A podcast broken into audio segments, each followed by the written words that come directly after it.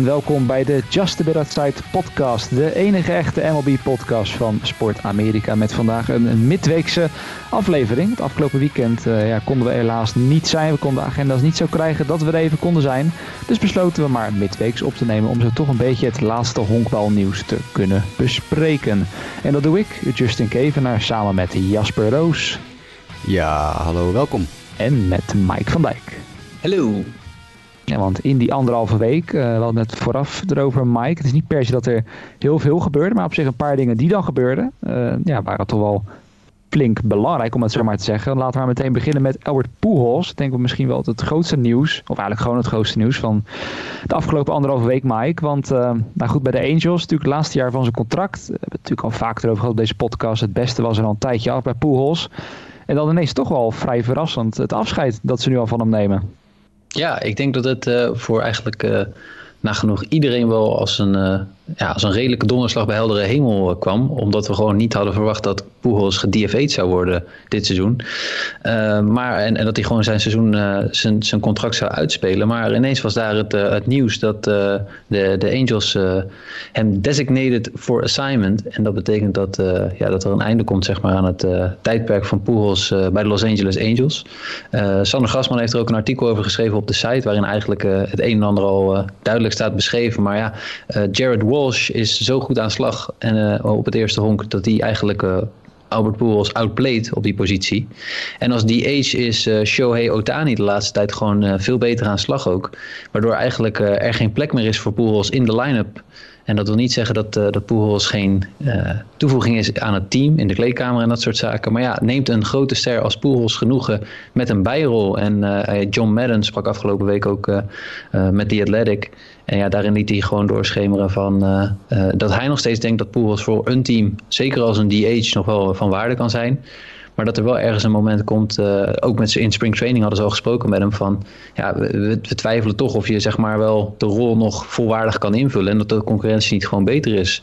Uh, en Poels wilde er eigenlijk uh, ja, niet van wijken weten, dus dan, dan loopt het op deze manier eigenlijk af voor, voor, dit moment. Maar het is toch wel verrassend dat ja, de man die een van de grootste contracten heeft getekend uit de geschiedenis van de honkbal, destijds het grootste, um, ja, nu aan het einde van zijn carrière een beetje op deze manier uh, mogelijk een einde van zijn loopbaan krijgt.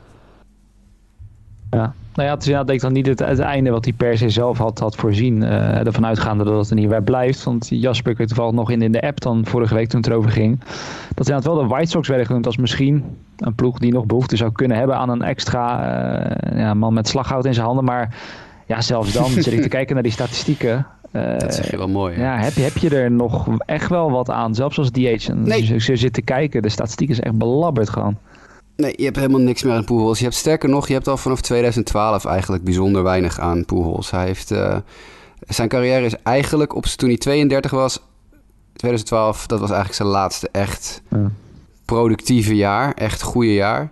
Um, hij heeft er nog een aantal seizoenen gehad waarin hij heel veel home runs sloeg. In 2015 sloeg hij er nog 40 uit bijvoorbeeld. Maar voor al het andere, moet je nagaan. Het sloeg hij 40 home runs dat jaar. En dat hij nog steeds een OPS onder de 800. Ja.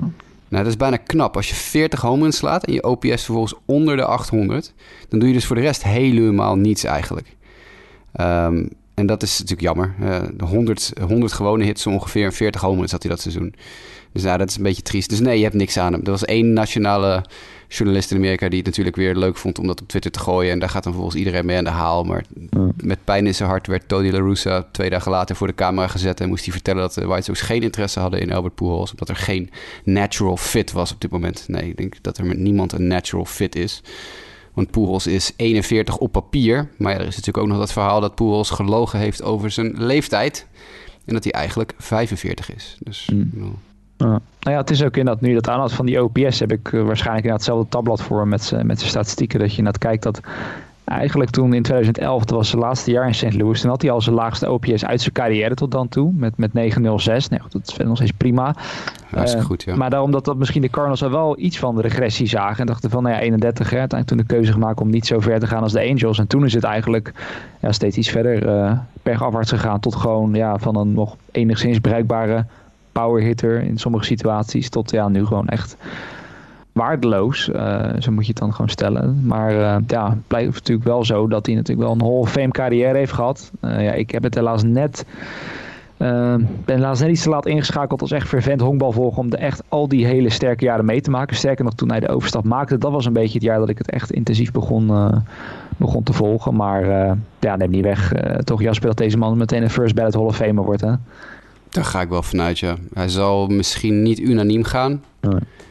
Uh, want dat is alleen voor de hele, hele, hele grote weggelegd. En ik weet niet of hij gezien wordt als een hele, hele, hele, hele grote. Uh, maar het is wel een van de beste honkballers, denk ik, die wij in ons, in ons leven meegemaakt hebben. En ook een van de weinige spelers die niet uh, ten prooi gevallen is aan de beroemde videogame cover curse. Hè? Jullie kennen allemaal de MVB, MLB The Show... -hmm uh, cursed. Ja. Zodra je op de voorkant van MLB de Show staat, dan stort je hele wereld in. Nou, Fernando Tatis noemen we eventjes voor dit jaar. met zware schouderblessures en nu uh, corona. Um, hij is de enige zo ongeveer. Hij stond op de voorkant van de, de allerbeste honkbal videogame aller tijden. MVP Baseball 2005.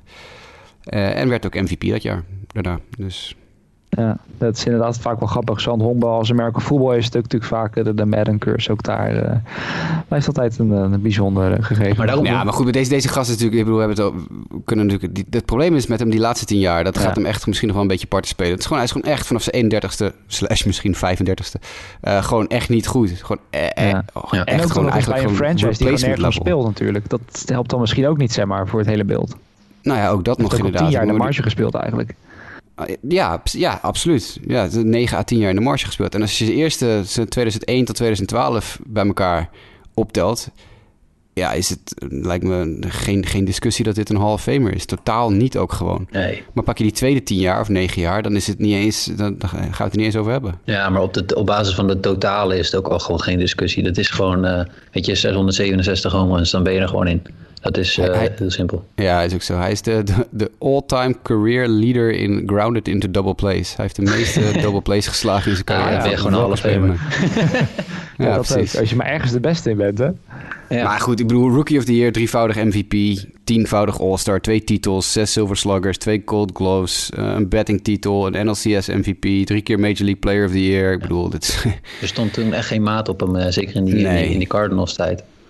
Nee. Maar dat, dat, weet je, het, het, uh, het vreemde is gewoon omdat je al die cijfers hoort en je ook weet hoe groot hij zeg maar, als speler is geweest rond die periode.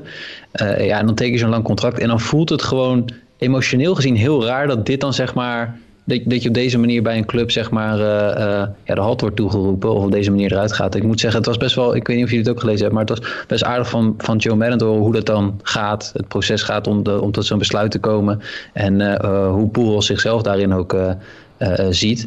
Maar ja, ja uh, ook, ook, hij heeft ook blijkbaar zoiets van... Ja, ik, ik heb nog het gevoel dat ik nog kan bijdragen...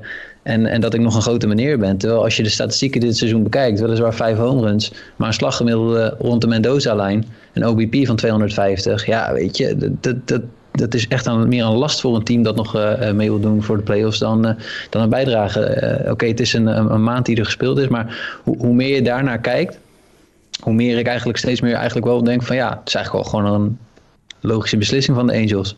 Alleen Tuurlijk, het is jammer, want je, je, je, gunt hem zeg maar net zoals ja, Mariano Rivera en dergelijke gehad hebben, dat hij een soort van uh, send-off kan krijgen waarbij hij nog uh, langs alle clubs kan gaan en uh, netjes afscheid genomen kan worden. Ik weet niet of hij zo groot is, maar ik denk wel dat dat, dat, dat, dat wel fitting was geweest. Maar ja, je kan niet altijd, dat, dat, dat stond er heel mooi, een break-up is altijd, zeg maar, daar, daar zitten altijd verliezende partijen aan. En, en zeker in dit geval, ja, er komt nooit een een goed moment om op, van deze speler dan afscheid te nemen. En dit, dit gaan we in de toekomst meer krijgen. Want we zijn nu allemaal getuigen van een aantal extreem lange contracten die ook zo gaan eindigen. Daar ben ik veilig van overtuigd. Ja. Ja, en het, eigenlijk kan je nog zelfs een, case maken voor hem dat hij eigenlijk gewoon twee jaar geleden al had moeten stoppen. Na 2019 moeten stoppen. Had het hele coronaseizoen toen dat gebeurde, had hij moeten zeggen: jongens, ik doe niet meer mee, ik ben er klaar mee. Dit is, dit is, want als je dan, hè, doordat hij nu nog doorgespeeld heeft, dat hij vorig seizoen het korte seizoen gedraaid heeft en dit seizoen nog een stukje gedaan heeft, is zijn carrière batting average bijvoorbeeld heel arbitrair onder de 300. Was hij gestopt na 2019, is het precies 300. En dat is toch een beetje een soort van, het is heel arbitrair, maar het is zo'n grens waar je dan ja, op een of andere manier van denkt, nou, dat is, dat is toch net weer even een extra sterretje of een extra gouden ringetje aan zo'n carrière, weet je wel. En hij was al over de 2000 RBI's heen, hij was al over de 3000 hits heen. Uh, hij ging toch de 700 homeruns niet meer halen. Uh, maar dan wel een Robben vraag nu. Als Albert Pujols nog graag wil spelen en houdt van het spelletje, waarom zou die stoppen? Hij heeft nog een contract voor twee jaar. nou ja, dat, ja, dat is, aan de ene kant is dat ook zo. Aan de andere kant denk ik niet dat er een, eh, een coach uh, gaat bellen naar Pujols, in tegenstelling tot wat ja. Robben graag wil van Frank de Boer. Maar uh, nee, dit, is, dit was twee jaar geleden al echt helemaal voorbij. Het was jaren geleden al voorbij. Maar had twee jaar geleden moeten zeggen: jongens, dit is mooi. Ik sta nu precies op 300. Ik ga, toch, ik ga in mijn leven niet meer 300 slaan. Dus mijn slaggemiddelde gaat eronder dippen. Uh, als ik helemaal zoals ik gewoon gestopt toen. Met een, dan had je een schitterende carrière gehad. Dan had je uh, eh, 656 home runs gehad. 2075 RBI's, 114 steals. Ook ja, gewoon 114 steals, ook gewoon niet verkeerd. Ja. OPS plus van 147. En dan was hij ergens in de buurt van de 100 war uitgekomen, denk ik. Nou ja, is niet ja, dan was hij precies op 100 war uitgekomen. Want hij, heeft, hij is min een halve war waard tot nu toe. En hij zit op 99,5. Ja. Dus hij is, hij is ook nog eens een keer onder de 100 war gedoken door dit seizoen. En het vorige seizoen. Ja. Dus ja, hij had op alle vlakken beter gewoon vorig jaar kunnen stoppen. Ja, en het, het pijnlijke was ook nog, zeg maar, dat gaf Madden ook nog aan. Hij zegt, Madden zegt, ik had eigenlijk nog wel verwacht dat er nog spelers waren die misschien nog iets hadden gevraagd van waarom heb je het op deze manier gedaan of hoe zijn jullie tot die beslissing gekomen. Maar dat was een soort berusting. Niemand heeft er verder vragen over gesteld. Wat eigenlijk ook al veel zegt over de status van Poel zeg maar, binnen die groep verder en hoe iedereen dan op een gegeven moment naar, naar hem keek. Ja, dus, het is ook eh, voor de Angels gewoon uh, tijd om door te gaan. Precies, precies. Misschien voor de episode ook nu tijd om door te gaan. Ja, heel goed. Bruggetje, Inderdaad. Nee, en dan als we doorgaan dan naar de no-hitters. Want uh, ja, je bent de anderhalve week niet. En ineens komen er weer twee, twee no-hitters bij de twee die we al hadden. Natuurlijk eerder dit jaar Musgrove en Rodon van respectievelijk de Padres en de White Sox. En er komen dan ineens John Means en Wade Miley bij, Jasper. Het is... Uh, wat dat betreft zo'n rijtje van werpers die je niet per se verwacht. Uh, ja, van deze twee, van John Means, Wade Miley. Welke vond je dan nog het meest verrassend van deze twee namen? Dus je moet kiezen? ja, ik moet kiezen. Tjemig. Nou, stonden ze op mijn lijstje van 300 spelers die ik een no-hitter zal go zien gooien dit jaar? Nee. Uh, het is wel grappig trouwens dat we nu drie van de vier no-hitters lefties zijn geweest dit jaar. Dat is wel uh, een ander dingetje waar we nog even over kunnen delibereren ooit. Nou, wat is de meest verrassende? Uh, Wade Miley, zeg ik dan. want die zit al een tijdje in de lift naar beneden. En Mean zit er toch nog de afgelopen drie jaar al elk seizoen weer een beetje in de lift. En die gaat elk seizoen beter gooien. Verwachtte ik dat John Means een no-hitter zou gooien? Nee, totaal niet. Maar van die twee had ik Wade Miley nog veel lager op de lijst staan, denk ik. Ja, interessant. Maar dat was wel, ja, ja, ja, ja, oké. Ja, begrijp me wel, ja. Is gewoon wel een interessant verhaal ook wat dat betreft. Ik bedoel, die jongen die is uit, uit, het niets, uit het niets gekomen natuurlijk. Uh, letterlijk drie jaar geleden met een biertje op, in zijn hand op de bank zat hij uh, Amerika voetbal te kijken. Werd hij gebeld door de Orioles. Hoor, je moet naar de Major League komen. Was eigenlijk al beter. Hij had zijn LinkedIn-pagina al gemaakt, hè? Had zijn LinkedIn-pagina al gemaakt voor zijn carrière na, het, uh, na baseball. Met het idee van, nou ja, ik ga wel uh, een nieuwe carrière beginnen. Uh, pak een beetje drie jaar geleden. En toen, uh, ja, toen belt ineens de Orioles bellen op van ja, ergens in oktober of zo. Ja, of in, wat is het, augustus, later in het seizoen ja, je moet even nog een paar wedstrijdjes gooien. We hebben iemand nodig die een paar wedstrijden gooit. Kom maar naar Baltimore. En niet alleen is hij niet meer weg te mappen geweest uit die Baltimore rotation, maar hij wordt elk jaar ook beter. En deze, deze no-hitter was met afstand de beste start uit zijn carrière. Gamescore van 99, dat is de hoogste in de geschiedenis van de Baltimore Orioles. En dat is toch best wel een stevige organisatie met een behoorlijke geschiedenis bedoel, als je dan beter gooit dan Eric Bedard en Mike Mussina uit 2007 en uh, eh, 2000 respectievelijk. Die hadden een gamescore van 98 in een, uh, in een start. Nou, is dat best aardig. Ja. Nou ja, en, klopt. Hij had ook een bizarre... 12, 12 keer drie slag, ook met afstand zijn, zijn career high. 0 keer vier wijd, is ook best belangrijk. Net een beetje grappig, een beetje grappig, een beetje lullig en grappig. Dat natuurlijk net als bij Rodon, dat... Uh, ja, ook één moment van zwakte bij Means. Hè. Net uh, Rodon gooide Roberto Perez op zijn tenen. En, uh, en Means deed hetzelfde. Maar dan met, uh, hoe heet die knakker ook weer? Sam Haggerty van de Mariners, rookie van de Mariners. Die gooide die ook op zijn donder. Oh nee, dat was een doorgeschoten bal. Miley gooide er eentje op zijn donder. Ja, ja dus, ik zat te denken dat ja. bij Bees was hij dat hij doorschoot inderdaad. Ja, en uh, Haggerty die dan volgens uitgegooid wordt op het tweede honk. Dat is dan wel weer interessant, want dat maakte deze no-hitter de derde in de laatste 15 jaar. Waarbij uh, uh, een, een, een, werper een no-hitter gooit, geen perfect game, maar toch het minimum aantal slagmensen ja. tegenover zich heeft. Hè? Dus uh, Means gooide natuurlijk, of er werd meteen werd Haggerty van het honk gegooid door de catcher bij een stilpoging. Edinson Volquez gooide in 2017 twee no-hitters, of één no-hitter waarin hij twee walks gooide. Maar die allebei met een dubbelplay uitgemaakt werden. Dus dat was ook, had ook de minimum aantal slagmensen tegenover zich. En Mark Burley had natuurlijk tegen de Rangers in 2007 een no-hitter gegooid. Gaf hij Sammy Sosa vier wijd, maar die gooide die meteen van het honk af met een pick-off. Dus die drie werpers zijn nu verbonden aan elkaar, omdat zij natuurlijk de werpers zijn die no-hitters hebben gegooid en toch tegen het minimum aantal slagmensen hebben gestaan. Nee, maar het is wel leuk. Ik denk dat ik wel een beetje in dezelfde doek zit. Zit jij zit al bij Wade Miley inderdaad. is natuurlijk altijd al ja, nooit de meest spannende werper geweest natuurlijk. Nooit een strikeout machine of iets dergelijks. Altijd maar ja, een flyball pitcher. En hopelijk dat hij genoeg groundballs incasseerde. Natuurlijk toen vooral 2016, 17 was hij het helemaal kwijt ook. Nou ja, daarna in Milwaukee een beetje zijn carrière, een nieuw leven in, ingeblazen. Maar ja, bij Means, dat is inderdaad wel, het was en iets indrukwekkender. en ook het verhaal wat het mooier maakt. Want ik weet nog inderdaad, nou ja, twee jaar terug was hij aan de All-Star voor de Orioles. Weet je nog, tweede Rookie of the Year running. Maar, ja, daar, was ik toen, daar was ik toen, weet je nog, hoe ontzettend pissed off ik daarover was toen nog? Ja, nou ja, ik weet het ook al best wel lacherig van. Ja, het is omdat het de enige is bij de Orioles die enigszins ja, hij, hij werd tweede in de Rookie of the Year. En Eloy Jimenez, die 40 ballen het stadion ja. uitmapte, werd vierde. Ja. ja, dat sloeg helemaal dat nergens puur op. omdat inderdaad, ja, de Orioles waren toen natuurlijk ook al troep. En hij was de enige die, nou ja, toen een 360 ERA, maar niet een hele indrukwekkende stats ernaast of zo. Uh, dus ik zie dus zijn FIP was dan ook een stuk hoger dan zijn ERA. Dus geeft aan dat hij nog best wel geluk ook had dat jaar. Ja, toen was het inderdaad meer van, en dat we het zeiden ook in de podcast toen, van het is meer, hij zit op zo'n slecht team. Ja, dan, dan, dan, val je al snel op. Maar... Ja, dat sloeg, dat sloeg echt, echt nergens op. Dat is nog steeds een van de meest achterlijke beslissingen van de laatste 20 jaar over de Rookie of the Year verkiezing. Die verder natuurlijk niks voorstelt. Maar dat neemt natuurlijk niet weg. Ik bedoel, als je, zoals die tegen de Mariners deed, 96,3% first pitch strikes, hè? 96,3% op 26 van de 27 slagmensen gooide hij een strike one. Ja, dat doet hij het hele jaar geloof ik al. Want ik las ook dat hij nu ook over alle pitchers daar in tweede staat. Over alle starts tot nu toe. Dus het... Uh... En wat een big unit bingo voor Means. En daarom is hij natuurlijk per definitie al beter dan Miley. Want uh, hij was de achtste pitcher sinds 1901 die een complete game gooide met 12 strikeouts. 12 strikeouts, maar geen hits, walks of geraakte slagmensen. De anderen waren Clayton Kershaw, Felix Hernandez, Matt Kane, Sandy Koufax, Nap Rucker en daar is de bingo, Randy Johnson. Maar wacht even, wacht even. Want ik heb, ik, ik, ik, misschien dat ik deze bingo ook nog vol kan maken. Wacht even, wacht even. Randy Johnson, wie bij de Diamondbacks tot 2007, 2008, de buurtjaar, ja. de buurtjaar, de buurtjaar. Ah, 2011. Nee, nee je hebt gelijk. Nee, nee, we hebben niet Nee, nee, je kan geen, uh, geen bingo maken helaas. Dat niet bij, helaas. Seven degrees of separation. Of is het, ja, ja, inderdaad. Five, degrees of Kevin Bacon. Maar goed, het, het aantal zit daar nu dus op, op vier uh, no-hitters. Record was acht, begreep ik ook. Het stuk wat op onze site stond, uh, veel modern era record is acht.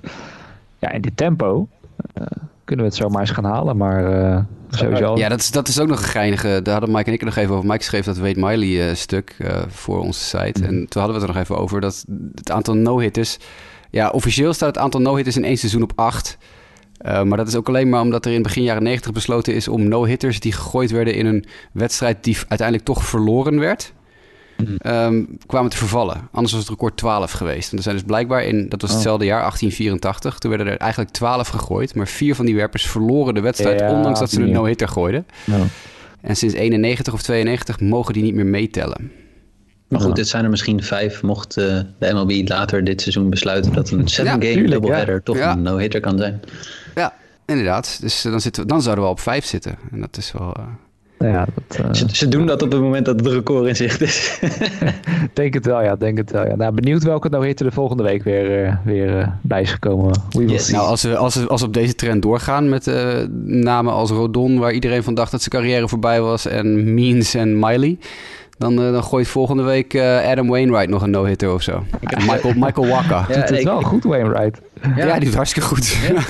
ik heb zojuist gezien dat uh, een andere LinkedIn-to-be-werper die door de Orioles is opgepikt... op dit moment geen no-hitter aan het gooien is tegen zijn oude ploeg, de Mets. Met Harvey staat geloof ik achter, toch? live, ja, het stond inmiddels staat het 6-0. Alle zes runs opgegeven door Matt Harvey in vier innings. Dus nee, dat gaat niet worden. Taiwan Walker nee, aan de andere kant wel maar één hit. Dus die was op zich aardig op weg. Maar uh, ja, één hit nee. Nee. Het, uh, ik, ik, ik, het is wel geinig om over na te denken. Wie, wie, zou, de, wie zou de meest ja. unlikely volgende no-hitter zijn? Van een werper waarvan je... Ja, kijk, dat kan we heel obscure rookie noemen. Maar van een werper die je het minst aanziet komen. Wat zou dan nu misschien een goede no-hitter kandidaat zijn? Het is wel even geinig om over na te denken. Oké, okay, ja, ik zei, ja, iemand van een franchise die het ook al niet zo goed doet dan. Kom ik een beetje bij de Pirates uit Rockies. Ja, bijvoorbeeld een Irvin Santana of zo. Die is weer terug in de majors.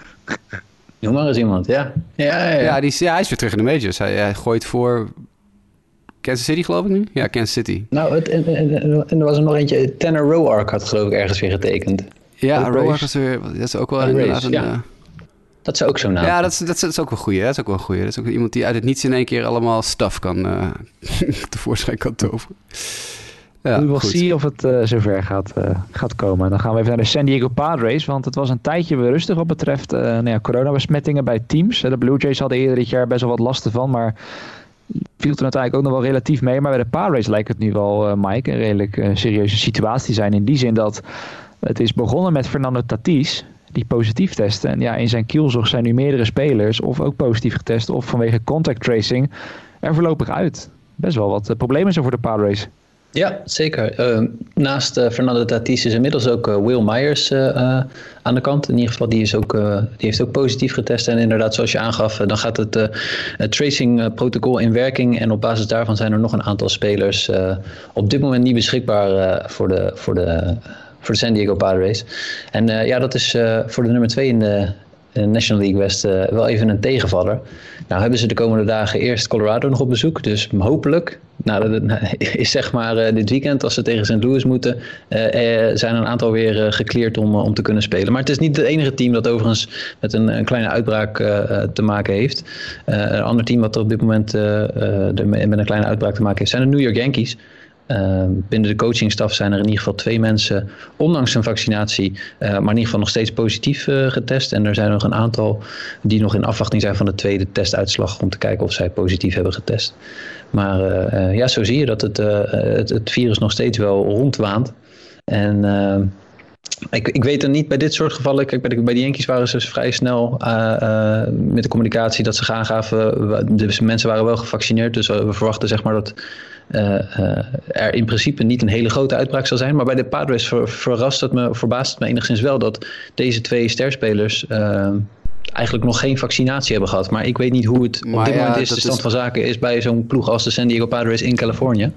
Nee, precies. Dat is ook nog een dingetje af moet vragen. Ik, ik weet niet in hoeverre die bijvoorbeeld ook al twee keer gevaccineerd zijn. Of gevaccineerd zijn met, met een middel uh, waarbij je maar één... Ik bedoel, als de Padres een, noem maar even een AstraZeneca-organisatie zijn... dan zit daar wat drie maanden tussen of zo... voordat je je tweede shot kan krijgen. Ik overdrijf een beetje hoor, maar er zit weken tussen... Dus ja voor, ja, voor hetzelfde geld. Ik weet dat heel veel clubs daarom in, in de Major League gekozen hebben voor het Johnson-vaccin. Omdat dat maar één keer prikken is en door. Maar ja, je, je weet natuurlijk niet in hoeverre de Padres uh, het hele team ook daadwerkelijk al helemaal geïmmuniseerd heeft. Nee. Nee. ik zag en dat wat ik zag het meteen even op te zoeken. Er was eigenlijk wel één team en dat zijn de Cleveland Indians. Die zitten bijna aan die, uh, aan die 85 procent uh, vaccinatie threshold. Wat zou betekenen dat zij dan dus straks wel natuurlijk niet meer per se met ma maskers op hoeven te lopen en zo. En uh, zij lijken als eerste team dat te gaan, gaan bereiken. Maar goed, en wat betreft deze besmetting, ja, dat, dat het Tatis overkomt natuurlijk. Hè, dat is dan wel weer... Weg, ja typisch in het uh, seizoen wat natuurlijk nog alles behalve loopt zoals hij had gewild. En ook zoals MLB natuurlijk had gewild. Hè. Ik bedoel, we hebben het over gehad, alle hype-video's en uh, noem het allemaal op. Uh, zelfs het kauwgomkouwen werd geanalyseerd in de voorbereiding.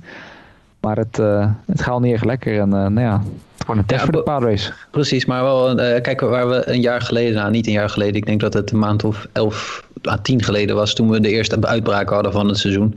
Ja, toen was het gewoon gelijk het hele team uh, in het hotel in quarantaine en afwachten hoe en wat. En uh, ja, nu zie je wel dat de Padres in principe wel gewoon door kunnen blijven spelen. Uh, dus je ziet wel dat we een hoop geleerd hebben. Laat ik het dan zo zeggen. Zeg ik het dan netjes? Ja. Ja, En dan maar zien hoe ze het doen zonder Tatis Myers. En dan ook nog infielders Matteo Provar en Hosmer. Die uh, vooralsnog uh, er dan niet bij zullen zijn tegen de Rockies. Als ze vandaag beginnen aan hun double header. Dan de Oakland Athletics, Jasper. het is natuurlijk vaak, ook in deze podcast denken we over de afgelopen jaren langskomen. En vooral Tampa Bay en Oakland komen vaak voorbij als het gaat over expansion of relocation. Um, ja, en Jeff Passen die werd van de week op Twitter wel weer wat concreter. Uh, want ja, in Oakland het wil nog steeds niet echt vlotten. Daar met het nieuwe stadion, het multifunctionele stadion wat ze daar willen bouwen. En nu uh, wordt er weer een soort van ja, gedreigd, gehint. Dat bijvoorbeeld Las Vegas een mogelijke nieuwe locatie zou kunnen zijn voor de franchise. Wat denk jij, een, uh, een drukmiddel of echt een, een reële dreiging dat ze Oakland gaan verlaten, de Athletics? Dit is in de meeste mate gewoon een, een manier waar de Oakland A's druk willen zetten op MLB. Uh, en Oakland wil een nieuw stadion. Uh, dat krijgen ze niet, want tenminste MLB ligt, ligt wat, wat dwars of zo. Of er zijn wat, ja, wat politieke kwesties die daar natuurlijk op de achtergrond spelen. Maar nee, ik denk dat dit... De, Oakland Athletics zijn veel te historische organisatie om zomaar huppakee weg te, weg te verhuizen of zo. Dat, dat gaat niet gebeuren. Of ja, gaat niet gebeuren. Het zou zomaar kunnen gebeuren. Maar ik denk dat dit echt iets is waarvan eh, Oakland zegt van... we willen gewoon zo snel mogelijk het nieuwe stadion. Het schiet niet op. Uh, we gaan uh, druk uitoefenen op nou, een beetje op MLB, een beetje op, uh, op de, de stad Oakland of de, de, de, de, de regio waar het ligt. Want daar moet natuurlijk er moet geld uit de regio komen. Ja. Um, en dat schiet ook natuurlijk niet helemaal op. Dus dan, wat doe je dan? Ja, de Raiders zijn net natuurlijk verhuisd naar Las Vegas, de NFL Raiders. Ja. Dus dan ga je dreigen met, dan gaan we ook wel naar Las Vegas. Ja, en, nou ja, en Oakland raakte natuurlijk de Raiders kwijt en dat was één groot drama. Ja. Um, dus ik denk dat dit, ik denk dit is voornamelijk gewoon druk zetten op, uh, op de politiek.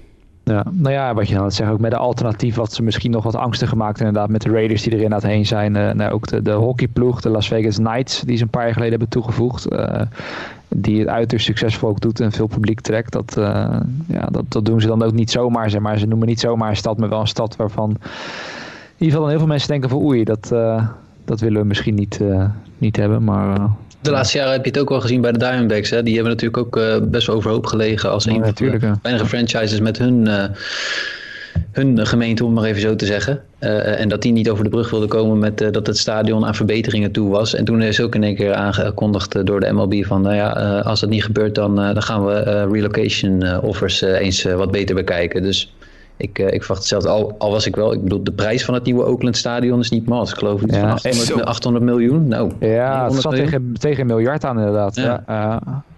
Nou, zijn stadions niet goedkoop. Nee. Uh, maar ja, ik ben eigenlijk wel benieuwd nou of, de, of er een lijstje is van uh, wat het kostte om stadions te bouwen. Nou, kijken, de most expensive ja, ze worden in ieder geval steeds duurder. Dat, dat zie je ook vooral in de NFL, die hele trend. Dat, daar hebben ze dus laatst in Los Angeles een nieuw stadion geopend voor de Rams en de Chargers. Nou ja, in Las Vegas nu een nieuwe voetbaltempel, om het zo maar te noemen, voor de Raiders. Die er echt, ja, dat, je kijkt je oog uit als je die foto's ziet. Het, het kost ook echt tegen een miljard of zelfs over een miljard. Ik geloof dat die in Los Angeles zelfs anderhalf miljard kost in totaal. Dat is echt belachelijk. Tja. Tja. Ik kan het helaas niet zien. Het zit achter een paywall. Oh. Nee, maar het ging inderdaad wel, wat ik me herinner, wel in dat richting een miljard. En dat moest het dan wel multifunctioneel zijn, dus voor meerdere dingen uh, te kunnen gebruiken zijn. Maar uh, ja, ik weet niet of dat genoeg is om de, lokale politiek over te halen. Dat is wel een iets andere investering dan dat je hier wel eens hebt met een, uh, met een, met een voetbalstadion van Pax of zo. Dus, Ja, nou, je, je maakt een mooie vergelijking, want de vraag is nog steeds wel van hè, hoe groot zijn nou de Oakland A's en wat kost daarvoor het stadion? Ja. en dan denk je wel van, nou, is dat dat dan waard, zeg maar inderdaad. Nieuw Yankee Stadium kostte anderhalf miljard als ik het zo zie. Zo. Ja, maar ja, dat zijn de Yankees. Ja. Uh, dat is met afstand het duurste stadion. City Field, nummer 2, 860 ja, miljoen. Verrassend, ja. National Park, 611 miljoen. Dat zijn dus de laatste drie zorgen, 2009, 2009, 2008. Nieuwe Braves uh, Stadion? Ja, die staat er nog niet tussen. Dit is een lijstje van uh, wat nog niet de laatste jaren meegenomen heeft. Rangers heb je ook nog. Rangers heb je ook nog inderdaad, ja. Rogers Center, is 570 miljoen. Die staat ook Yankees dan, dat die zoveel duurder is. Ze zou niet per se... Ja, ja twee keer zo duur als ja. City Field. Dat, dat daar, ja, dat, dat, dat architect... Volgens het lijstje dat ik hier voor me heb. Nee, ja, oké, okay, dat is natuurlijk maar vraag. Maar het is niet dat je zegt van dat is architectonisch echt een geniaal stadion. Ik bedoel, het is een mooi stadion. Uh, maar ja, ik bedoel, het blijft een wel stadion. Dat is niet echt... Uh, Uh, nou ja, bijzonder. Ik weet niet waar die dure, technologie verstopt zit, laat ik het dan zo zeggen. inderdaad, ja. Het zijn al hele, hele dure grasprieten inderdaad die ze er uh, in het stadion uh, stoppen. Maar goed, laten we maar terug gaan. systeem mag wat kosten. Ja, precies. nou ja, dat wel. Daar hebben ze in ieder geval geen last van, zoals in Oakland, wat betreft de riolering.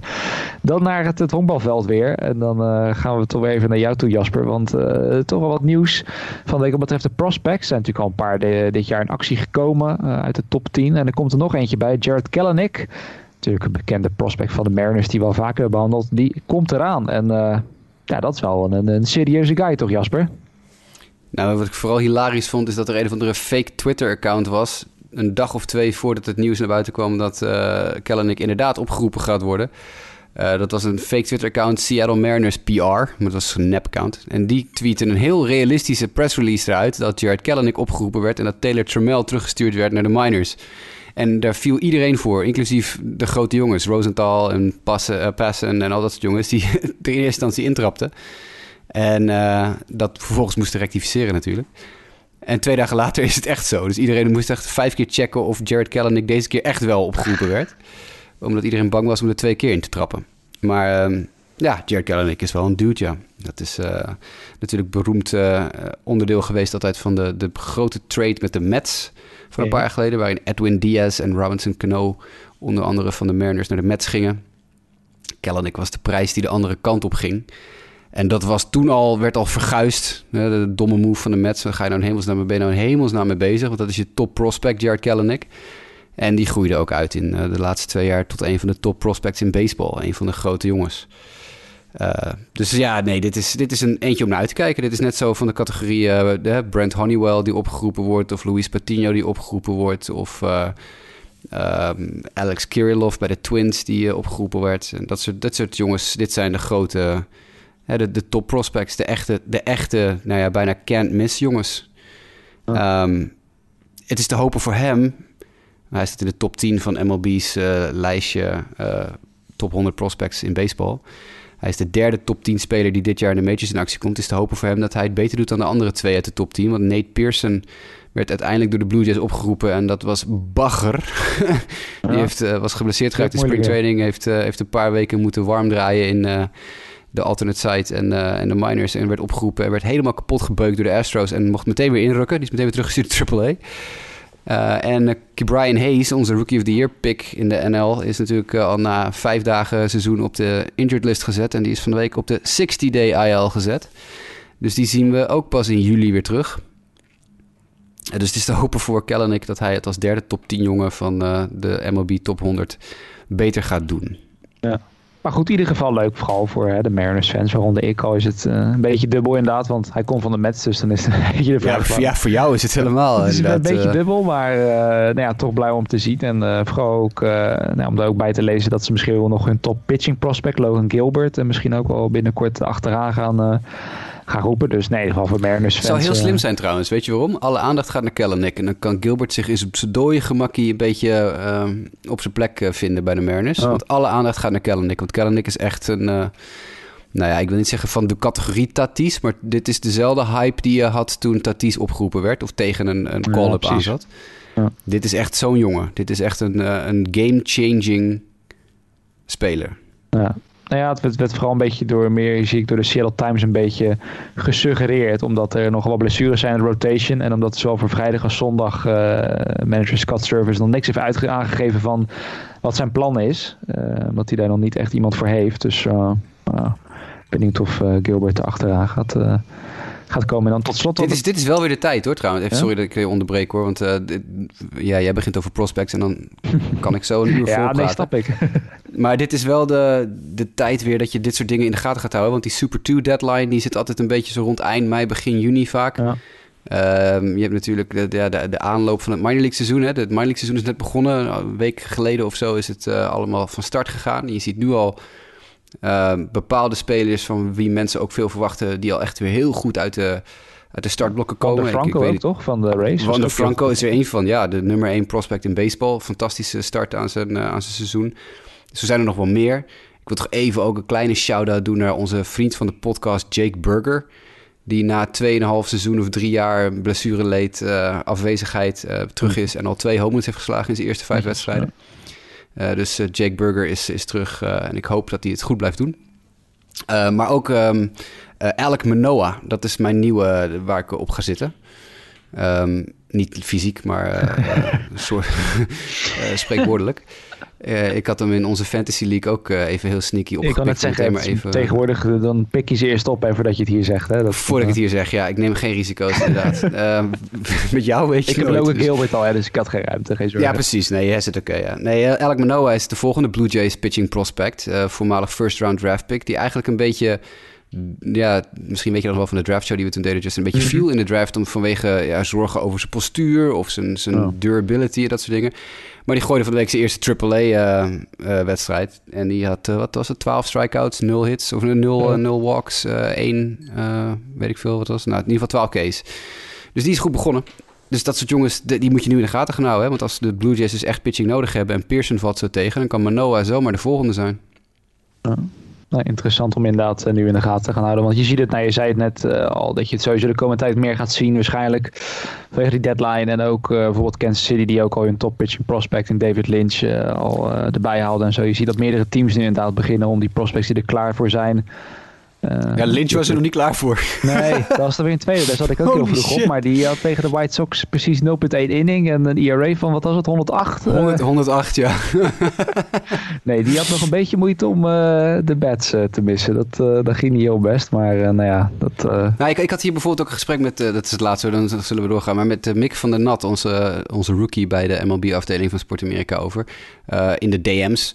Uh, hij is een Texas Rangers fan. En dat is natuurlijk eigenlijk geen donder aan om naar de Rangers te kijken. Of althans, het is nou niet bepaald het beste team wat er rondloopt.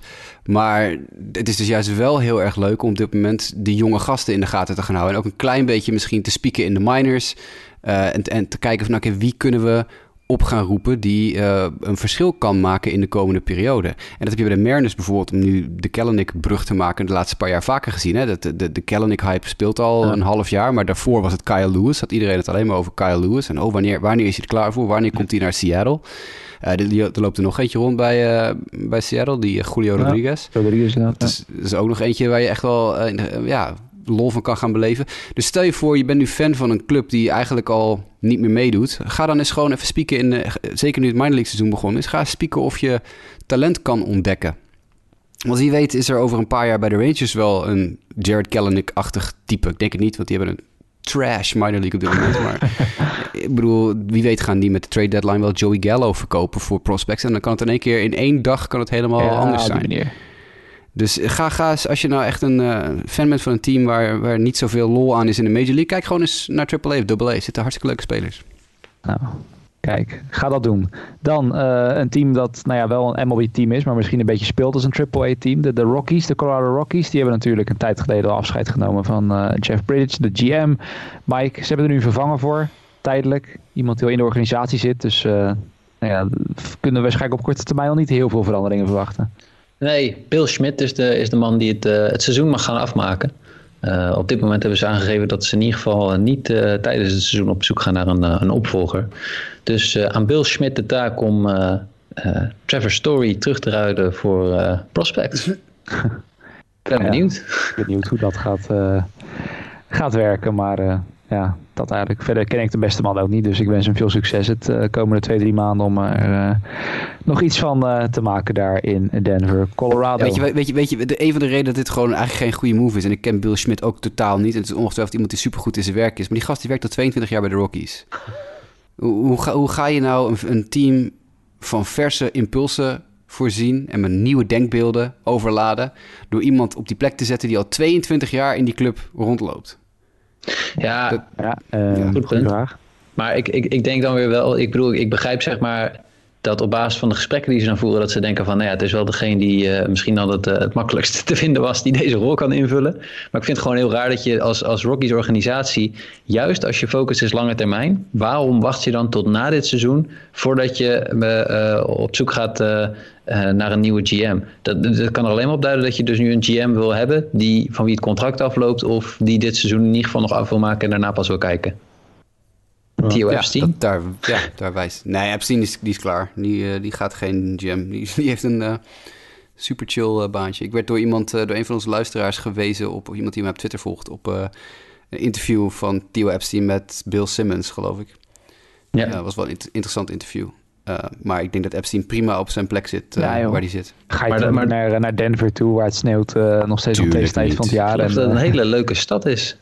Ja, dat wel. Ja, hartstikke leuke stad. Ja, Ja, en misschien ook hartstikke weer leuke dat het team niet echt... eh, dat is dan misschien nog, nog grotere reden om niet te beginnen, laat ik dat dan zeggen.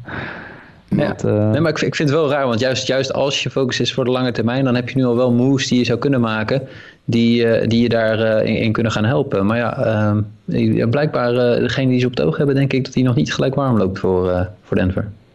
Nee, we will, eh, we will see. Dan eh, een paar teams even behandelen of misschien wat ontwikkelingen in de standen van de afgelopen anderhalf week die opvallend zijn te noemen. Ja, dan wil ik natuurlijk toch meteen even beginnen met de New York Mets, want het eh, begon allemaal een beetje stroef aan het begin van het jaar, maar inmiddels eh, zes op rij gewonnen. En terwijl we dit opnemen zie ik dat het alweer 7-0 is voor de Mets tegen de Orioles. En Harvey uiteindelijk Ja, dus met Harvey had, die had het niet zeven runs vandaag. nee. tegengekregen nu, ja. Dus eh, nou ja, dat worden de Nee, zeven, nee, zeven hij, is, rij. hij is uit de wedstrijd. Hij is uit de wedstrijd. Precies, hij is uit de wedstrijd inderdaad. Maar eh. Maar het was wel- 4.1 hij kreeg er nog een paar tegen.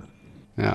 Ik, het was wel emotioneel dat hij op de heuvel stond. Hij had het er moeilijk mee. Dat zag je toch wel. Ah, Ja, dat, ja, dat was ook wel te Ik kreeg wel staande eh, ovatie van de precies. Mets-fans. Dat is dan wel weer mooi. Het kan, eh, kan Maar dat zou ik ook doen als de pitcher van de tegenstander 7 home runs tegenkrijgt. Zou ik ook applaudisseren. Dankjewel. Ja, nee, maar het is in ieder geval goed om te zien dat de mensen toch hebben te gevonden. Francisco Lindor, die raakte zwaar eh, een paar ballen, want die was natuurlijk ook echt dramatisch begonnen aan het eh, seizoen. En ja, het mooiste verhaal is misschien nog wel voor de mensen die het gemist hebben. Ook vannacht ongeveer was het weer zover. Patrick Mazeka, backup catcher, met een walk-off hit. Nou ja, en deze man, eh, met een beetje te schetsen, het lijkt echt net alsof ze hem van de plaatselijke eh, bouwvakkersplaats hebben, hebben opgepikt met een ja, viezige baard, eh, kaal, brilletje op. ook totaal, had bij die laatste walk-off ging ook zijn shirt af. Nou, het zat er niet echt bepaald een sixpack onder, zeg maar. Dus het geeft iedereen wel weer hoop dat nou ja, de majors ook te halen is als je niet echt het, het, het topsportersfiguur hebt. Ja, die gast is uit een of andere independent league getrokken volgens mij. Dat is echt Dat waar. Volgens mij is hij ook echt... Hij is echt eh, hoe die in godsnaam bij de Mets terecht is gekomen... Ik, ga het uitzoeken, want deze, dit is een artikel waard op de site, deze dude. Want dit slaat eigenlijk helemaal nergens op, maar ik vind het hartstikke leuk. al twee wedstrijden voor ze gewonnen. Ja, bedoel, eh, hij doet het beter dan de, de Red Raccoon, wat dat betreft. Ja, inderdaad, die ruzie van tussen Lindor en McNeil. zag je dan nog wat je toen je me erop wees dat clipje van te bekijken. Inderdaad, ja, dat, was inderdaad, denk ik, eh, ging je nou daarover. Verder was er geen reden dat alle ploegmaten snel eh, met een verschrikt gezicht de, zeg maar, de kleedkamer ingingen. Dat, eh, ik zit even te kijken ondertussen die muziek. Ja, hij zit al sinds 2013 in het systeem. Of nou ja, toen zat hij bij Stetson. Nee, excuus. Dus hij ging toen 2015. Nou, ja, wel dezelfde als de Grom, toch? Komt ook van Stetson University, dacht ik, uit mijn hoofd. Maar... Ja, maar komt ook niet... een van die werpers waar we het net over gehad hebben, ook niet van Stetson? Daarna bij de Mets. Ja, Binghamton, hij zat bij Double A op zijn hoogst. En, De Rumble Ponies. Sorry. Ja, niet echt, Daar, daar, daar heb je onze Rumble Ponies niet weer. echt per se uiterst indrukwekkend. Ja, slaat daar, sloeg daar 2019 2,45. OBP van 3,12. Ja. Impact hits, hè? Ja, nou ja, dat wel. Dat is toch mooi voor zo'n eh, Patrick Mazeka. Dus nee, het is, eh, nou ja, ze hebben de hitting coaches ondertussen ook ontslagen anderhalf week Ja, geleden. Chili Davis, dat is dan wel Chili heel opvallend. Dat, dat, eigenlijk, eigenlijk is dat veel interessanter dan, dan, dan Patrick Mazeka. Want het is, dat, bedoel, wat is deze? ja, Je, je dondert gewoon je, je hitting coach erin, wat is het, eh, 1 mei uit. Dat is, waarschijnlijk dat Lindor aan het klagen was of zo, eh, dat het niet werkt. Want sindsdien raakt hij wel wat, maar het, Ja. het was in ieder geval wel dat de resultaten Ja. er ook niet naar waren. Maar eh, ja. het is geen slechte hitting coach of zo. eh, Chili Davis komt bij de Cubs vandaan, geloof ik. Dus Nou heeft ja, ik geloof uiteindelijk in, het stuk wat ik, eh, ik weet niet waar ik dat las, was het vooral een beetje het argument dat ze waarschijnlijk bij de Mets vonden dat hij iets te ouderwets was in zijn, in zijn, in zijn filosofie en dat hij niet mee wilde in launch angle dingen en, en dat soort, en dat soort zaken. Dus dat ze daarom, ja, dat je daar dan pas na twee weken in het seizoen achter komt, vind ik dan wel een beetje bijzonder. Maar eh, ja, dat, dat is dan zeg maar ineens een probleem omdat ze slecht beginnen. En Wat anders dan had hij er nou? nog Wat heel het jaar nou? gezeten. Is had hij er nog heel het jaar gezeten? Precies, dat je echt zo denkt van, wat zegt hij eigenlijk? Nou ja, Maar het, het loopt daarna wel een stukje beter offensief eh, gezien. Dus ja, het heeft wel... eh, ik weet Ja, Het, het schokeffect. Ja, eerste plek in de divisie nu. En eh, nou ja, terwijl eh, de, bijvoorbeeld de Nationals het heel moeilijk hebben, de Braves ook een beetje rond 500 hangen. De Phillies wel, eh, moet ik zeggen, wel veel uh, veerkracht tonen. Dat eh, nou, is in ieder geval goed nieuws voor de, voor de Mets. Dan de andere divisie? ik zit nog even, ik zit nog heel even naar Patrick Mazeka zijn bio te kijken. Dus, ja, ik bedoel, je moet toch iets. Zeker. Weet je waar hij geboren is? Dat had ik op gekeken. Springfield, Massachusetts. Het- Het is de meest niet-zeggende speler die je ooit kan verzinnen. En is hij ook nog geboren in Springfield. Een plaatsnaam die in elke Amerikaanse staat terugkomt. Dat elke staat Letterlijk. zijn inderdaad. Ja. ja, vandaar dat de Simpsons ook in Springfield wonen. Omdat dus, ja, dat dorpje moet dus plaatsbaar zijn zo ongeveer overal in Amerika. En er zit in elke staat een Springfield. Dus dat Ja. is, eh, Ik ben, denk alleen meest niet niet-zeggende staat figuur alle tijden. Mazeka is, maar dat... eh, nou ja, misschien ook weer wel, omdat hij juist alledaags uitziet. Ja, nou ja, goed. Het is eh, een, bijzonder, een bijzonder figuur. Benieuwd hoeveel RBI's hij nog binnen gaat slaan dit jaar. Andere de divisies. over-under zet ik op 5. Nou, er zijn er nog twee bij. Dus dat zou best wel... eh, nou, dat is wel een realistisch aantal. Nee, de NL Central had ik ook nog opgeschreven, Mike. Eh, meer met als vraag dat daar de Cardinals. Die zijn echt bezig aan een gigantisch sterke reeks. 8-2 nu, vannacht ook weer gewonnen. Terwijl de Brewers ja, een beetje wat moeilijker hebben. De Cubs zijn ook de hele tijd al rond de 500. En de Reds zijn ook niet helemaal hier van net. Nou, Pirates, dat, dat mogen duidelijk zijn. Ja, denk je dat de Cardinals nu een beetje weg gaan lopen daar? Ja, de Brewers hebben natuurlijk wel wat last gehad van eh, de starting pitching die een beetje geblesseerd is geweest. Hè? Corbin Burns eh, die, eh, die weg is gevallen. De, de, de Cardinals eh, zijn, zijn leuk bezig, maar eh, eh, ik denk ook dat een paar dingen op dit moment eh, goed, eh, goed voor invallen. Eh, met name, je noemde net al Adam Wainwright, eh, die, eh, die eh, goed bezig is. Eh, meneer Kim is ook nog steeds, heeft ook weer zijn, zijn vorm te pakken van vorig jaar. Ja, je Eh, hebt me geclaimd in fantasy, of niet? ik, had hem, ik had hem ook op mijn lijstje staan. Ja, nee, precies. ja. Maar ja, ze hebben ook John Gant erin zitten. En die is statistisch gezien iets beter, dan, eh, aan, eh, beter aan het presteren dan wat hij eigenlijk aan het gooien is. Want die geloof ik ook dat hij eh, zijn controle nogal af en toe kwijt raakt. En ook de bullpen heeft nu, Jordan Hicks is nu geblesseerd aan zijn elleboog. Die gaan ze wat langere tijd missen. Dus ook daar zitten wel wat bumps in de, in de road. Maar Maar ja, aan de andere kant, Arenado, waanzinnig goed. ja, ja. Nee, moet... moet eh, eh, we, waren, we, waren bang, we waren bang in het offseason, hè? De, de splits, de, de beruchte, splitsverhaal bij eh, Arenado. Ik, eh, kan die buiten Colorado ook goed zijn? Het antwoord is dus ja. So far, so good. So far, so good. Ja. En een soort van revival van Jadier Molina, die ik niet echt aan had zien komen. Die eh, offensief zowaar geen zwakte is. Terwijl die twee jaar terug weet ik nog echt. Nou, ja, ik had hem in fantasy, Ja, dus dan let je er nog erger op. Maar toen had ik echt nachtmerries van. Die heeft een revival. Dylan Carlson, de rookie outfielder, die het best wel, eh, best wel goed doet. Dus het, eh, Ja, haalde onze rookie-lijst deze week die eh, Mick ook schrijft. dus het, eh, Carlson. het loopt allemaal. En dan Ik de maak, andere. wel eh, zorgen, maar, maar ik maak me wel zorgen om de Cubs.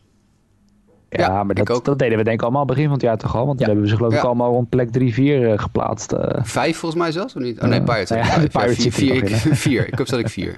Nou ja, daarom. Maar die, daar hebben we allemaal best wel laag op ingezet, geloof ik. En dat lijkt tot nu toe inderdaad wel redelijk eh, uit te komen tot dusver in het, eh, in het jaar. Maar wat dan misschien wel weer aan de andere kant van de Central, de EL Central, benoemen waard is. Kijk, de Royals, die zijn inmiddels terug op aarde.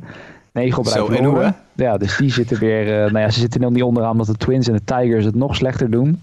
Eh, waarbij het van de Tigers wat verrassend is. De Twins, die, eh, dat die nog steeds wat aanmodderen. Dat is toch wel opvallend. Maar ja, het, zorgt wel voor, Jasper, dat jouw White Sox samen met de Indians wel, eh, die ook daar beginnen weg te lopen. Want ja, goed, dat je wegloopt van de Royals en de Tigers, misschien niet zo'n dingetje. Maar ja, de Twins zet je nu ook al op een flinke achterstand. Ja, kom ik zo op terug. Ik moet eventjes eh, Jeff Passan weer aanhalen hier. Die eh, eind april het tweetje eruit stuurde. Eh, het is bijna mei en de Royals hebben het beste record in baseball. En twee weken later moest Jeff Passan zichzelf retweeten met de mededeling... We zitten twee weken in mei en de Royals zijn weer bijna het slechtste team in baseball. 16-9 toen, ja, nu 16-18. Ja, het is echt... wat een drama. Ehm, ze zijn ook net gesweept door de White Sox afgelopen weekend. Dus dat is ook weer dik in orde. Eh, nee, het weglopen bij die teams is niet zo heel gek natuurlijk. Want dat hebben we allemaal wel redelijk zien aankomen. White Sox op dit moment wel eh, beste run differential in baseball.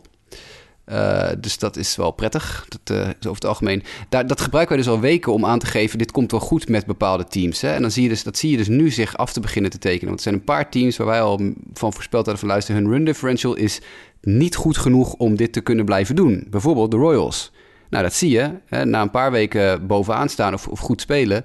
Het run differential heeft altijd de andere kant op gewezen. En nu begint inderdaad de, de Royals beginnen in te storten. En datzelfde geldt voor een paar andere teams die we genoemd hebben. Ook een paar teams die... Bijvoorbeeld de Yankees, die altijd best wel een, die een oké run differential hebben gehad. Het was niet super denderend, maar het was, het, het was niet zo dramatisch dat je denkt van... Dit, dit kan niet meer goed komen. En de Yankees beginnen ook weer steeds meer te klimmen in de AL East. Run differential gaat, gaat weer nog verder omhoog. Het team kruipt een beetje omhoog in de standings. Ehm, dat is ook een van de redenen dat we misschien toch Boston onderhand maar iets serieuzer moeten gaan nemen dan Ja. ik in ieder geval gedaan heb. Ja.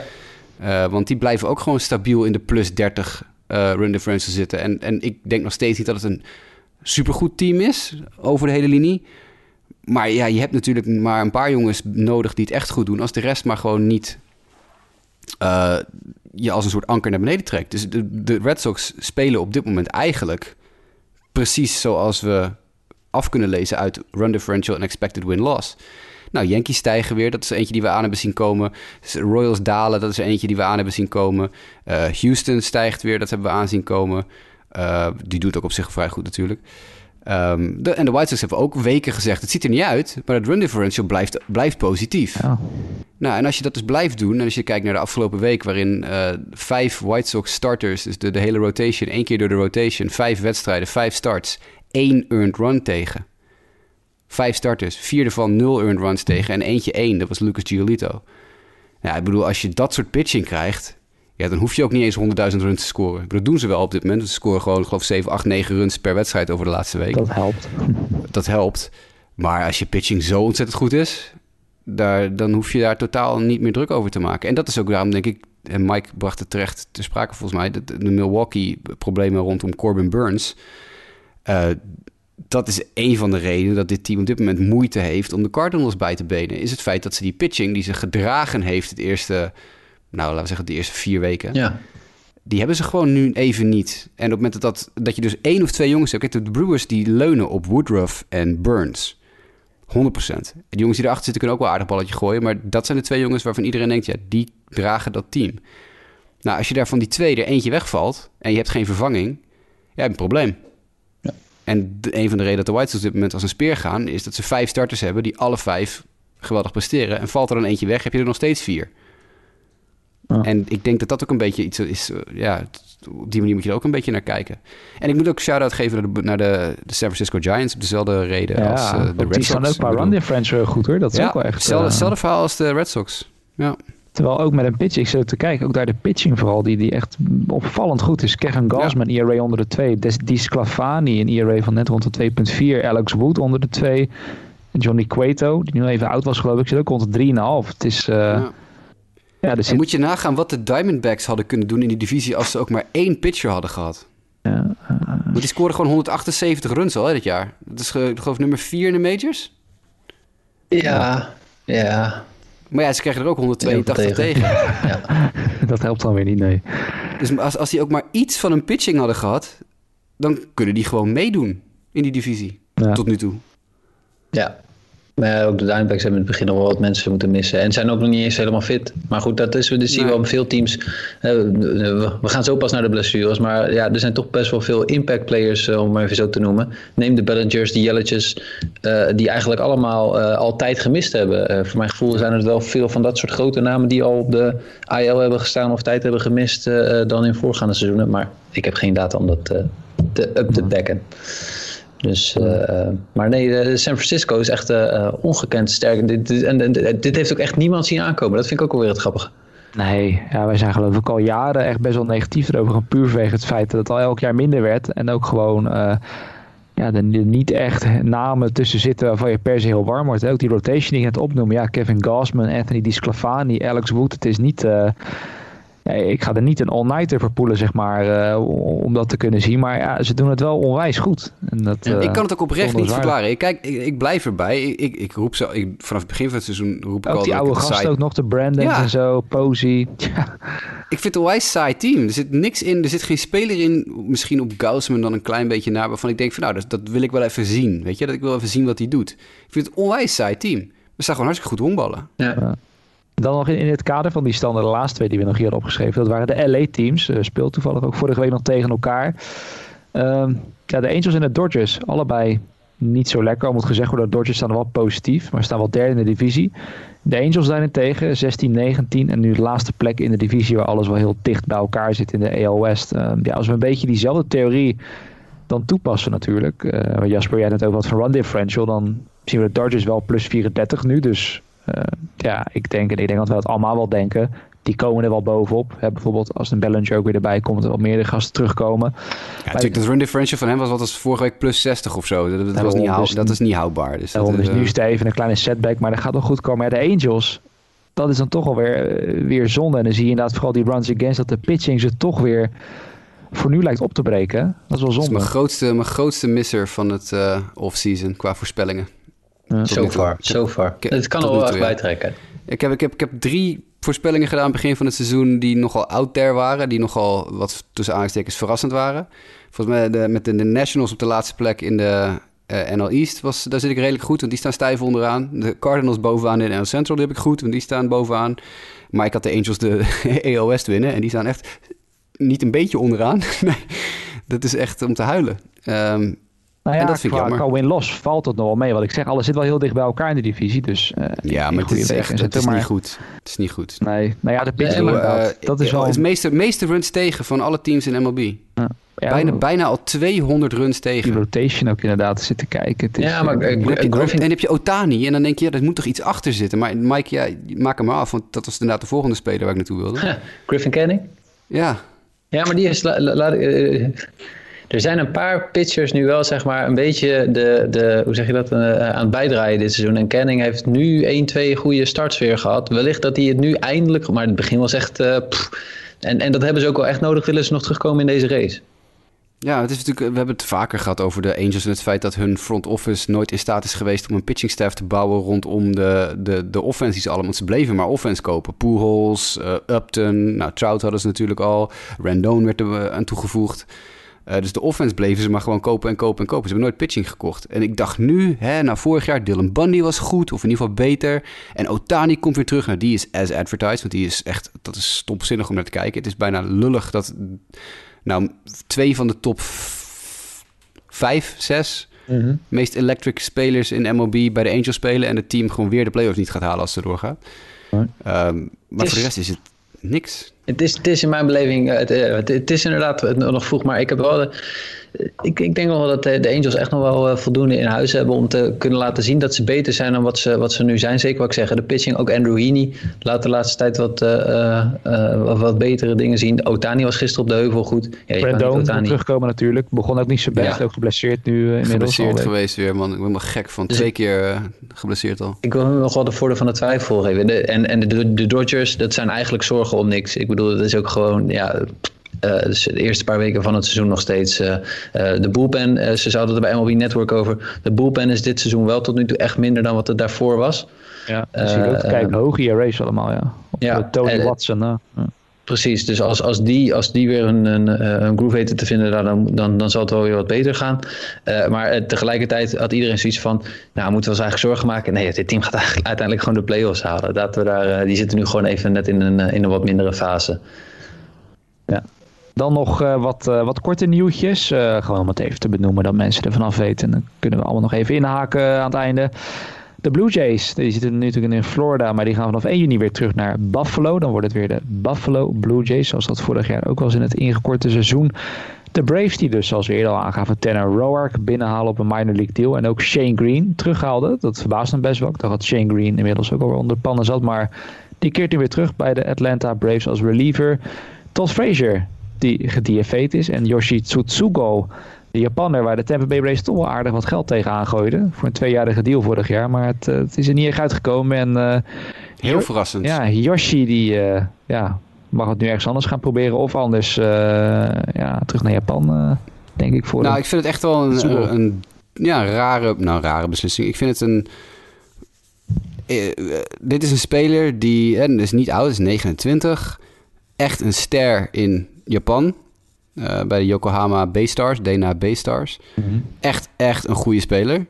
Best oké okay vorig jaar. Uh, had het niet uh, super makkelijk, maar hij had wel gewoon acht home runs in het korte seizoen. Vijf doubles, triple in 185 slagbeurten. En dat is natuurlijk helemaal verdwenen nu, want hij heeft, um, hij heeft maar vier honkslagen, of vier doubles en geen home runs tot nu toe in, in dit seizoen. Maar ik zou toch bijna zeggen dat er een team zou moeten zijn dat deze jongen claimt. Ja, nou ja, een 29-jarige links, linkshandig volgens mij. Ja, linkshandig die geloof ik tegen de 6 miljoen, 7 miljoen verdient dit jaar. Dat dat misschien... Ja. ja, maar als je kijkt naar de mensen die op die 6 à 7 miljoen per jaar verdienen in de majors... Eh, dat zijn ook geen spelers die de wereld in de fik zetten op dit moment. Misschien wel iets beter dan Tsutsugo, maar er is vast nog wel iemand... Er is vast wel een team te vinden... Uh, die zoiets hebben van, nou ja, kom maar even hier op de bank zitten of zo. Nou, Defensief ook gewoon een goede speler. Misschien de Pirates, nu ze Todd Frazier weg hebben gedaan. Uh, de nou ja, nou ik zou het meteen doen. Ik durf te wedden dat Tsutsugo in principe beter is dan uh, de helft van het uh, Pirates roster. dat denk dus... ik ook wel, ja. En dan tot slot, het laatste nieuwtje was nog Jordan Zimmerman. Die, waarvan ik eigenlijk niet eens had gezien dat hij dit jaar nog even actief was op een Major League roster. Maar die ja, stopte nu definitief mee. Was natuurlijk in zijn jaren bij de Washington Nationals altijd wel een, ja, een hele indrukwekkende werper in zijn beste tijden toen tekende die, als ik het goed even zeg heb, maar voor de veel geld in Detroit. En toen uh, nou, was eigenlijk wel een beetje klaar. Hè? Dat, uh, als ik ook zo kijk, ik heb nu zijn stats voor me. Ja, inderdaad, 2013, 2014. Inderdaad, All-Star Game gehaald. Twee keer in de Cy Young voting. één keer vijfde, één keer zevende. 2013, 14. Maar uh, daarna ging het langzaam een beetje achteruit. En dit jaar gooide hij nog in zijn thuisstaat Wisconsin twee innings voor de, of vijf innings voor de Milwaukee Brewers. Jordan Zimmerman, nog mooie herinneringen aan? Of, geen. geen enkele herinnering zelfs. Dacht misschien jou. jou nee, geen, nee, geen mooie herinnering. Ik heb oh, heel veel herinneringen. Hij, speelde, hij heeft jaren bij de Tigers gespeeld, dus ik heb heel veel herinneringen ja, dat, dat wil ik zeggen. Ik dacht juist daarom nee, maar inderdaad, want toen was hij al niet meer zo goed. Dus. Nee, ik, nou, ik, ik, heb toen wel genoten iedere keer als hij de White Sox gooide. Maar volgens mij, ik heb hem wel één keer nog in, in het echtje gezien. Toen was ik in de zomer een keer in Detroit met drie wedstrijden meegepakt tegen de White Sox. En toen, uh, toen gooide hij één van die wedstrijden. Maar dat was ook geen goed White Sox team, dus dat was uh, een beetje beetje jammer. Nee, ik eh, vind het mooi dat hij eh, eh, zo waanzinnig veel geld heeft kunnen verdienen voor een werper die zo waanzinnig niet goed was. Nee, inderdaad. Dus, hij heeft echt het optimale eruit gehaald. Dus die twee hele goede seizoenen die hij even had. Ja. Ik, ik, ik, ik hoor al dat ik jou niet ga verrassen als ik ga zeggen... dus hij heeft een no-hitter ooit in zijn carrière gegooid. nee, dat is ja... Dat is ja... Als de Washington National. Een, uh, hoe zeg je dat ook weer? Een, uh, blind squirrel fights, finds a nut. Of uh, een, een, gebroken klok staat twee keer per dag. Altijd twee keer per dag goed, ja, ja, ja, ja, Een broken clock finds a nut. nou, oké. Okay. volgen je. Maar Jordan Zimmerman, ja, het is wat het is. Misschien dat de Baltimore Orioles nog gaan bellen, maar ja, hij leek er nu wel klaar mee. Ja, net zal ik wel. Ja, ik zat nog even de rotation op te zoeken waar hij toen in zat. Maar dat was inderdaad toen nog met de jonge Steven Strasburg inderdaad, die toen net opkwam. En Gio Gonzalez toen ook nog in zijn goede jaren. Dat was altijd wel een een drietal waar je niet graag tegenover stond in de, in de goede dagen. Maar goed, veel plezier Jordan Zimmerman met wat je ook gaat doen. Yes. In de nadagen van je, nou ja, van je bestaan. Want ja, ik denk met al het geld dat hij even de, heeft binnengehaald, hoeft hij voorlopig niet uh, nieuw werk te zoeken. Dan, Mike, een blessurerijtje. Ja, we hebben net al een paar namen wel genoemd, want er zijn eigenlijk wat grote namen. Het, uh, ja, ik zou zeggen, probeer het alsnog zo kort mogelijk te houden qua bekende namen die uh, blessureproblemen hebben gaat lukken. De, uh, de potentiële MVP-kandidaat, denk ik, van dit seizoen tot nu toe. Byron Buxton. Zeg ik nou, nog iets geks? nee, Lord Byron, hè, onze Sander Gasman, die uh, is heel blij mee in onze Fantasy League. Precies, precies. Ja, maar hij is geblesseerd. Hij heeft een, eh, een heupblessure, dus hij is enige tijd uitgeschakeld. Een hij heeft een vergelijkbare blessure als Louis Robert, waar we het vorige week over gehad hebben. Alleen dan de minder erge variant. Ja, dus waar Louis Robert er drie maanden uit ligt, ligt uh, Buxton er wat zes tot acht weken uit? Ja, precies. Dus uh, de All-Star break gaat dan, denk ik, aan hem. Ja, ja gaat dat wordt het zo ongeveer. Ja, steeds gigantische aderlating dan voor Minnesota. Wat al bagger gaat eigenlijk. Dit is de enige speler die ervoor zorgt dat ze af en toe nog wat wonnen. Dit, is, uh, dit team gaat onderaan eindigen als het zo doorgaat. Ze vielen over elkaar heen gisteren. Dat was fantastisch. Ik heb vannacht de wedstrijd de White Sox Twins 9-3 gewonnen. White Sox de Twins vielen letterlijk over elkaar heen. het is echt comedy capers, maar goed. Nee, ja, dus uh, uh, Anthony Rendon, knie, die heeft een kniekneuzing. De, je sprak er net al even over, dus die is ook enige tijd uitgeschakeld. Uh, maar hij is weer bijna terug. ja, precies. Ten heeft gedaan vandaag. En hij moet weer de, de, goede kant op zijn. Jordan Hicks noemde wel even, die heeft een elleboogontsteking. Die gaat in ieder geval een aantal weken missen.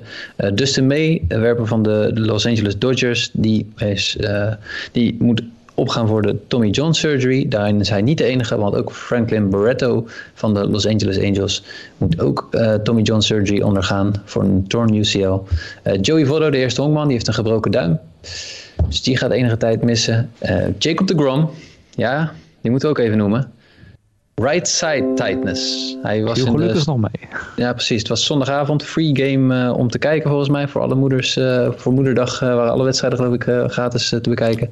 Klopt. maar in de vijfde inning, zeg je uit mijn hoofd, moest hij de heuvel verlaten. Oh. En een MRI-scan is gemaakt. Daar leek geen schade op zichtbaar. Dus ja, het is nog even afwachten of hij na de 10-day IL-stint weer volledig fit en inzetbaar zal zijn. Ik weet niet of jij nog updates hebt vanuit Mets kanalen? Uh, momenteel niet, nee. nee. Maar goed, vooralsnog winnen ze ook zonder hem. Dus. En sowieso was winnen vaak met de Grom op de heuvel al geen makkie. Omdat op een of andere manier de offense dan verdwijnt. Dus uh, gaan wel goed komen. Gaan wel goed komen. Ja, maar baseball is better met, ja, met Jacob oh, de Grom. Dat sowieso, dat sowieso. Ja, ja. zeker. Uh, even kijken, dan hebben we Christian Jellis. Die is heel kort even terug geweest. Die had, uh, heeft last van een rugblessure. Daar konden ze eigenlijk toen niks vinden op de scans die ze hadden gemaakt. Dus hij heeft het weer geprobeerd. En zoals Jasper het soort van voorspelde, er was iets met een plateau dat het niet beter werd. Ja. En zo geschiedde. Uh, hij is weer terug op de AL. Ja, dit is echt dodelijk voor mijn Money Keeper League team overigens. Maar goed. Ja, nee, het is niet echt... Dat, dat, team, dat, dat team moet gedragen worden door Keston Jura, Kyle Lewis en Christian Jelic. Nou, ah, Lewis is dan ja. weer terug, maar die andere twee, dat is echt een zwart gat. Keston Jura, daar beleef ik ook heel veel plezier van, ja. Poeh, hé, man. Ik, ik ben nog steeds zo... Ja, jij weet dat toch, Justin, hoe ik uh, over hem heb zitten oreren tijdens die draftshow ja, van een paar jaar geleden. Het is een fantastische speler, maar dit, ik, wat is er met die gast aan de hand? Maar goed, oké. Okay. In AAA moet hij het maar even uitvinden. Nou, uh, ja... Maar de, in ieder geval voor uh, is het onduidelijk wanneer hij uh, uh, weer terug gaat keren. in ieder geval... Ja, sorry, ik, ik hijackte eventjes je blessurelijstje. Ja, nee, ik, juist prima. maar ik denk, maak het even af. dus het is even onduidelijk wanneer hij terug gaat keren. Craig Council gaf aan van, ja, hij blijft last houden. Dus we moeten gewoon nu eventjes dus de, de pauzeknop indrukken en zorgen dat we hem echt weer volledig fit krijgen. Want dit, hij kan niet meerdere wedstrijden achter elkaar spelen, bleek. dan Brian Hayes. Die heeft in zijn tweede wedstrijd van het seizoen zijn pols geblesseerd. En die is nu van de 10-day IL verschoven naar de 60-day IL. Heb jij nog updates van dit uh, toptalent, uh, Jasper? Nee, niet meer dan we al hadden. Vorige week, twee weken geleden had het ook al over. Omdat toen zei ik, hij heeft een terugslag en het ziet er niet goed uit. En nou ja, dat blijkt. Zonde. Yes. Zonde. En dan is er nog één prospect waar jij wel even over wil hebben. Dat is Franklin Perez, geloof ik. Ja, Franklin Perez van de Detroit Tigers, die natuurlijk behoorlijk hebben verzameld qua prospects de laatste jaren met, uh, met trades waar ze spelers voor terug hebben gekregen. En uh, Perez zat in de Justin Verlander trade. En Perez was een van de top prospects, top werper prospects bij de Houston Astros ten tijde van die Verlander trade. En uh, het is wel grappig tussen aanleidingstekens om te zien dat van die top drie, ja toen David Polino. oh, dan kan ik niet op die derde komen was het? Nee, dat was niet Framber Valdes. Het was die gast die honderdduizend keer geschorst is voor doping.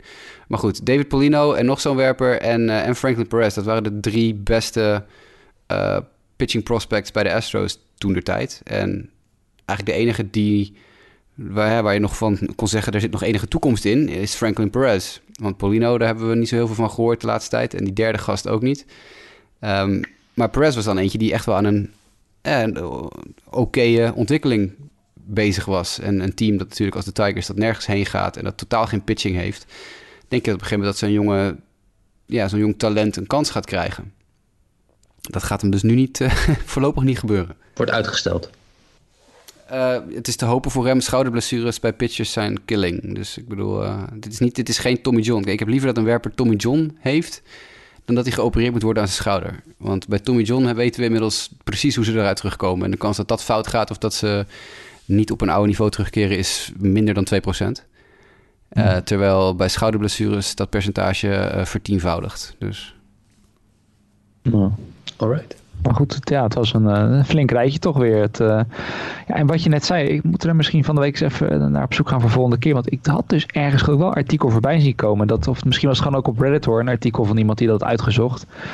Uh, dat procentueel inderdaad wel veel meer blessures voorkomen. Of in ieder geval blessures waarvoor IL-stints nodig zijn. Uh, dan, dan vorige jaren. Of het dan inderdaad in correlatie Komt ook staat. door die tien dagen, hè? hebben we het toen over gehad. Ja, dus we 15 dagen naar 10 dagen gingen. Wanneer is dat inderdaad? Dat is drie jaar terug drie jaar, drie jaar geleden? Nou ja. Twee jaar geleden? Daarom. Maar dat is, daardoor wordt het natuurlijk voor teams zo makkelijk om dat te doen. Hè? Ik bedoel, uh, hadden we trouwens bij de, bij de COVID, uh, uh, de Padres COVID-problemen, hadden we ook Eric Hosmer al genoemd? Ja. Ja, okay, door contact die, tracing, die, is, ja. die is inmiddels ook acht minuten geleden tweeten de Padres dat uh, Will Myers en Eric Hosmer op de injured list zijn geplaatst. Dat oh, zou dan betekenen dus dat ze ook waarschijnlijk besmet positief zijn. getest, ja. Het eerste Ja, was het nog contact tracing getest. inderdaad. Ja. Dus uh, Myers en Hosmer naast Profar en uh, Tatis. Maar stel dat zij gevaccineerd Ja, dan gaan we een hele exercitie Ja. op loslaten. Ja, want ik ben benieuwd, stel dat zij gevaccineerd zijn, hoe snel mag je dan weer terug zijn? Maar goed, dat eh, Ja, geen idee. Dat ja, merken we Nu vanzelf. staan er geloof ik die tien dagen voor, hè, minimaal. En dan eh, mag je ook weer eh, terugkomen. Dat, eh, dat was wel denk ik wel zo'n beetje. Hè? Toch een, een beetje al het nieuws van de afgelopen anderhalf week in elkaar eh, samengevat. Nou, we hebben ongetwijfeld niet al het nieuws gehad, want er is natuurlijk veel gebeurd. ja, maar het, maar mensen eh, nemen het ons niet kwalijk als we iets vergeten zijn. We covered some bases and we brought it home. Juist. Inderdaad, inderdaad. Nou goed, in ieder geval eh, Mike en Jasper, jullie allebei bedankt voor deze midweekse opname. En mocht je ons natuurlijk nog wat eh, willen vragen, mail dan gerust naar justabitpodcast.gmail.com of zoek ons op op Twitter. En verder kan je natuurlijk gewoon de site in de gaten houden voor de artikelen die daar eh, zo af en toe verschijnen over wat er gebeurt in MLB. Bedankt voor het luisteren in ieder geval en graag tot de volgende keer. Zika hits one slowly up the line. The shovel not win it. Patrick Mazika plays hero in the bottom of the tenth. Driven to right center, overcomes Conforto to dive, and he made the catch. Oh wow! Michael Conforto continues to distinguish himself with the glove. Another fantastic play.